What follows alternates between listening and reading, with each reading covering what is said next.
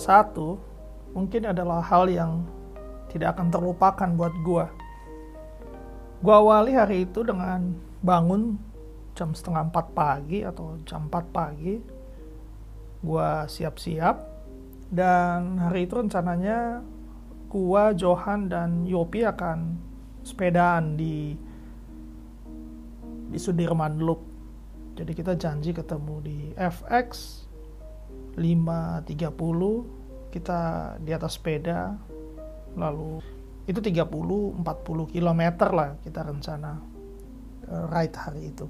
Dan gue tiba tepat waktu gue tiba di Senayan jam 5 persiapan terus akhirnya kita mulai tepat 5.30 kita jalan yang cuma gue berdua doang sama Johan. Jadi Johan terus uh, gue kita muterin dulu sekali Bundaran HI, terus habis itu kita naik uh, ke arah TVRI, mutar di loop. Nah, sebenarnya itu hari yang menyenangkan. Pagi itu juga nggak terlalu banyak pesepeda, cuaca juga baik. Sampai di depan MPR, itu mungkin 20 apa 30 km kita udah riding. Dan posisi sepeda gue di belakang, ban gue overlap dengan ban belakangnya Johan. Dan setelah itu gue lupa apa yang terjadi. Namun yang gue ingat adalah seperti mimpi kejadiannya. Dan gue kayak ngantuk banget bawaannya. Johan ngomong ke gue, Jo lu bisa berdiri nggak? Bisa, bisa, bisa berdiri. Terus, oke okay, gue apa-apa lu ya, iya. Dan itu kayak gue setengah sadar lah. Dan Jo lu duduk dulu di sini ya. Nah, terus gue duduk, kita nunggu Yopi. Dia bilang seperti itu. Terus gue lihat, gue masih lihat gue duduk, gue luka. Terus gue lihat sepeda gue. Dan gue nanya, Jet, gue jatuh ya? Iya Jo, lu jatuh. Terus gue ketawa gitu, aduh jatuh lagi. Nah, gue pikir masih biasa aja. Terus gua nggak lama kemudian gue nanya Jet gue jatuh ya? Ya Jo lu jatuh dari sepeda. Gue ketawa. Terus yang gue ingat ya ini ya gue nggak tahu kenyataannya berapa kali tapi yang gue ingat kayaknya gue tiga kali nanya Jet gue jatuh ya? Iya. Terus di situ gue sadar uh, atau setidaknya gue pikir gue sadar Jet gue udah nanya ini berulang-ulang ya. Iya Jo lu udah nanya ini berulang-ulang. Lalu gue ketawa ya udah gue istirahat dulu ya.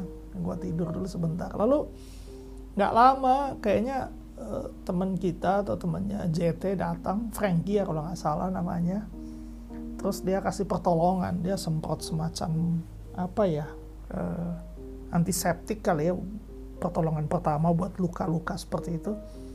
Terus dia bilang ini agak dalam loh luka di siku sama di lutut. Gue semprot ini. Ini perih banget sih dia bilang tapi setelah itu menolong banget. Oh ya udah nah, semprot. Gue masih ketawa-ketawa gitu kan. Kemudian dia semprot. Wah gila itu rasanya sejujurnya gue nggak bisa ngerasain apa-apa saat itu. Cuma di otak gue gue tahu itu sakit. Tapi kalau ditanya uh, rasanya beneran sakit gue nggak tahu saat itu. Cuma wah lu sakit banget. Gue ketawa masih ketawa. Terus akhirnya gue uh, sempat tidur lah. Gue on off modelnya. Sampai akhirnya Yopi datang terus sepedanya udah dinaikkan lalu gue naik ke mobil terus gue dilarikan ke rumah sakit pusat otak nasional itu di Cawang. Sampai di sana di mobil eh, gue masih antara sadar nggak sadar aduh gue jatuh dan itu rasanya seperti mimpi. Benar-benar dalam kondisi yang gue sadar tapi kesadaran gue nggak sepenuhnya 100% saat itu dan ketika sampai di rumah sakit gue masuk UGD uh, eh, gue awalnya gue pikir ya gue cukup pakai kursi roda aja ya atau pakai atau jalan sebenarnya bisa. Gue pikir demikian. Tapi gue dinaikkan di di atas ranjang uh, dalam posisi di atas ranjang tersebut gue dibawa masuk ke UGD lalu gue diobservasi. Luka gue dibersihkan berkali-kali susternya minta maaf perawat maaf aduh pak ya ini bakal perih banget nih ini bakal perih banget gitu. Oh ya nggak apa-apa terus lakukan aja yang memang perlu dilakukan. Akhirnya yang bersihin. Eh, gua gua tahu sakit tapi kesadaran gua balik lagi. Tapi seperti yang gua bilang kesadaran gua itu kayak on off. Jadi di otak gua aja gua tahu itu sakit. Dibersihkan lalu Yopi uh, datang sempat ngomong uh, dia nanya gue keluarin. Nah ini satu hal yang hmm, mitigasi yang gue lakukan kalau gue bersepeda. Jadi yang pertama itu di dompet gue kan banyak yang prioritas untuk membawa uang kecil atau uang receh. Justru prioritas utama gue ketika gue bersepeda itu adalah membawa KTP atau identitas. Kedua adalah kartu asuransi Kenapa? Karena ketika kita kecelakaan ya, hmm, keselamatan lu itu ditentukan dari akses terhadap rumah sakit atau akses terhadap uh, pilihan kesehatan yang lebih banyak dan lebih baik.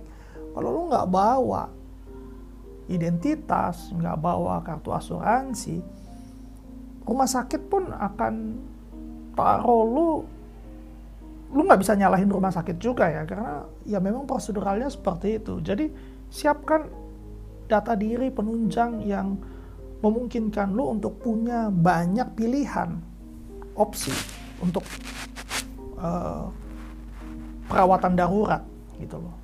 Nah entah kenapa hari itu untuk pertama kalinya juga ID tag emergency gue itu jadi. Jadi gue sebelumnya melihat uh, eh, JT lah uh, Johan dia pakai terus uh, dia baru bikin yang baru yang bisa nempel di jam jadi dia nggak perlu nggak perlu gelang khusus. Terus gue pikir ah gue mau buat satu lah setidaknya gue punya nih satu.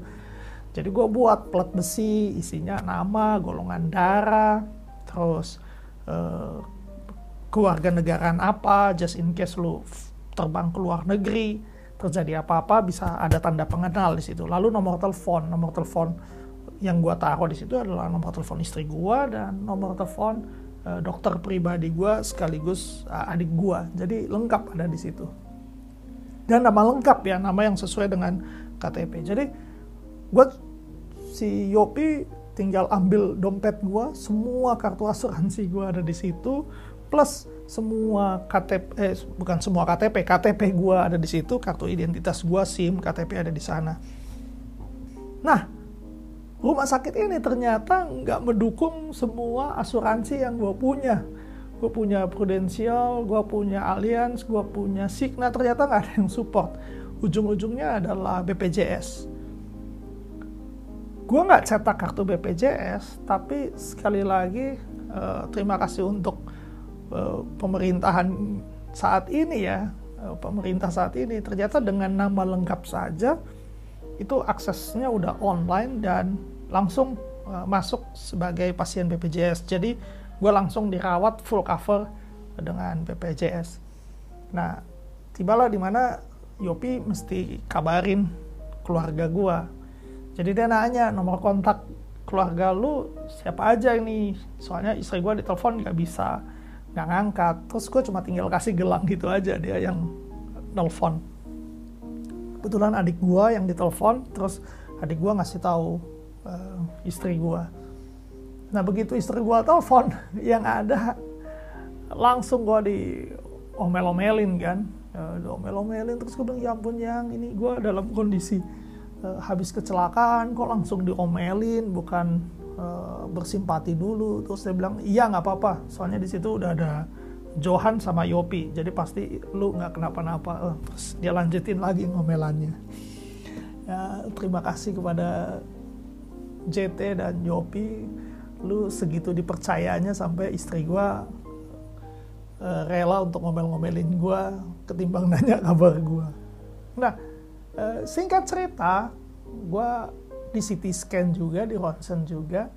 Jadi kekhawatirannya adalah karena gua ngelooping, gua ngulang-ngulang pertanyaan. Jadi wah ini kayaknya kemungkinan shock memorinya gangguan kali ya makanya tanya akhirnya di ronsen kalau hasil CT scan-nya kurang begitu baik ya gue dirawat itu juga sebabnya kenapa gue dilarikan di rumah sakit pusat otak nasional ya namun hasil CT scan-nya baik. Jadi gue setelah selesai observasi gue langsung dipulangkan saat itu juga. Jadi gue nggak sempat gue nggak sempat dirawat inap.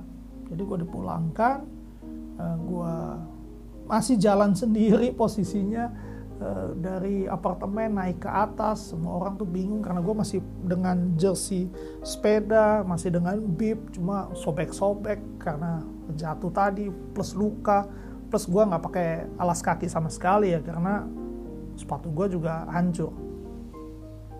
Nah belakangan gue baru tahu ternyata kecelakaan itu parah banget setelah ngelihat uh, tadi sepatu gue, sepatu gue itu benar-benar penyok, lalu baju gue, helm gue pecah, dan kondisi sepeda gue. Ada yang bilang bahwa itu kalau sepedanya karbon mungkin udah pecah belah dua kali. Ya cuma gue nggak tahu sih. Johan sempat kasih lihat nih waktu lu jatuh itu kurang lebih seperti ini gitu. Dia kasih ada video yang mirip. Dan gue lihat oh, gila itu parah banget. Nah yang gue syukuri adalah ternyata ketika kejadian itu terjadi otak gue itu nggak mengingat semuanya. Jadi itu trauma trauma pasca kecelakaan. Karena kalau semuanya diingat mungkin gue nggak akan mau sepedaan lagi karena setelah kejadian itu gue kayak uh, kangen untuk sepedaan ulang dan gue nggak kapok. Dan sekarang gue udah mulai sepedaan kembali. Jadi kalau kalau Tuhan nggak menciptakan untuk uh, trauma itu ada ya. Dan semua ingatan memori tersebut ada di kepala gue mungkin gue udah takut untuk sepedaan ulang nah yang kedua adalah yang gue pelajarin bahwa situasi kondisi tersebut tubuh itu otak kita itu memilah-milah mana yang menjadi prioritas. Gue tahu itu sakit, tapi tubuh gue nggak bisa ngerasa. Gue baru sadar betapa sakitnya luka-luka tersebut setelah hari kedua. Setelah satu malam, gue ngelewatin, oh malamnya itu udah mulai nyut-nyut. Besok semua badan gue itu seperti remuk redam. Dan di situ sakitnya bukan main. Bahkan untuk tidur ya, nafas aja itu dada gue sakit banget. Mau putar badan ke kiri aja itu, aduh susahnya nggak mungkin. Jadi gue cuma bisa tidur terlentang, nggak bisa bergerak sama sekali. Yang ketika hari pertama gue nggak ngalamin itu semua. Jadi jadi benar-benar kita itu didesain dengan tubuh kita itu didesain dengan sangat sempurna jadi diprioritaskan mana dulu yang ngerasa berangsur-angsur setelah kesadaran gue eh, kembali baru gue bisa ngerasain seluruh rasa sakit tersebut. Nah, hmm, kenapa gue merasa bahwa kecelakaan ini penting terjadi di tengah-tengah kondisi nyokap gue yang sedang sakit? Karena gue bisa relate dengan kondisi nyokap gue. Jadi pertama ya, ketika gue sadar namun nggak sadar, itu seperti mimpi ya on off modelnya. Nah itu yang saat ini sebenarnya nyokap gue alami. Nyokap gue tahu anaknya siapa yang lagi ngomong misalnya, dia tahu ini anak pertama, anak kedua, anak ketiga. Namun emosinya atau uh, rasanya itu udah nggak ada gitu. Itu seperti mimpi aja buat dia. Jadi dia nggak benar-benar sadar.